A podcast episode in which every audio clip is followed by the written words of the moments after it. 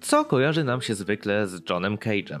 Tym prawdziwym amerykańskim kompozytorem żyjącym między 1912 a 92, a nie Nikolasem, przed którym niektórzy chowają się ze strachu w szafkach. Cóż, zazwyczaj nie kojarzy nam się zupełnie nic. Dosłownie nic. Jego najbardziej rozpoznawalny utwór, 433, to po prostu cisza.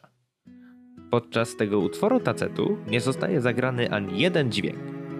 Kojarzony on jest z owym utworem niczym Paganini z kapryzem Amol, Marcelli z koncertem Demol, czy Craig z postacią agenta 007.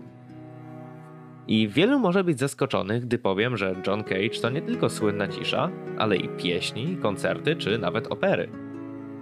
W sumie ponad 250 kompozycji. Smutny jest moim zdaniem los kompozytora z takim dorobkiem, który w roku 30. rocznicy śmierci pamiętany jest głównie z ciszy.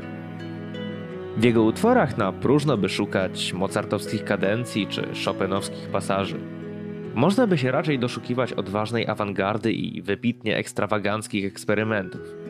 Nie sposób nie wymienić choćby utworu zatytułowanego Wyimaginowany krajobraz, w którym Cage posługuje się dokładnie 12 radioodbiornikami obsługiwanymi przez 24 osoby regulujące ich pracę. W jego spuściźnie doszukiwać się można inspiracji choćby Arnoldem Schönbergiem czy żyjącym kilkadziesiąt lat wcześniej Erikiem Satie, francuskim kompozytorem, również słynącym z daleko posuniętej awangardy, a czasem nazywanym nawet genialnym błaznem.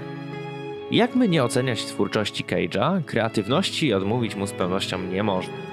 Ten dwudziestowieczny kompozytor z pewnością na długo będzie jeszcze gościł w pamięci wielu z nas. Odradzamy jednak wykonywanie 4.33 podczas egzaminu czy konkursu.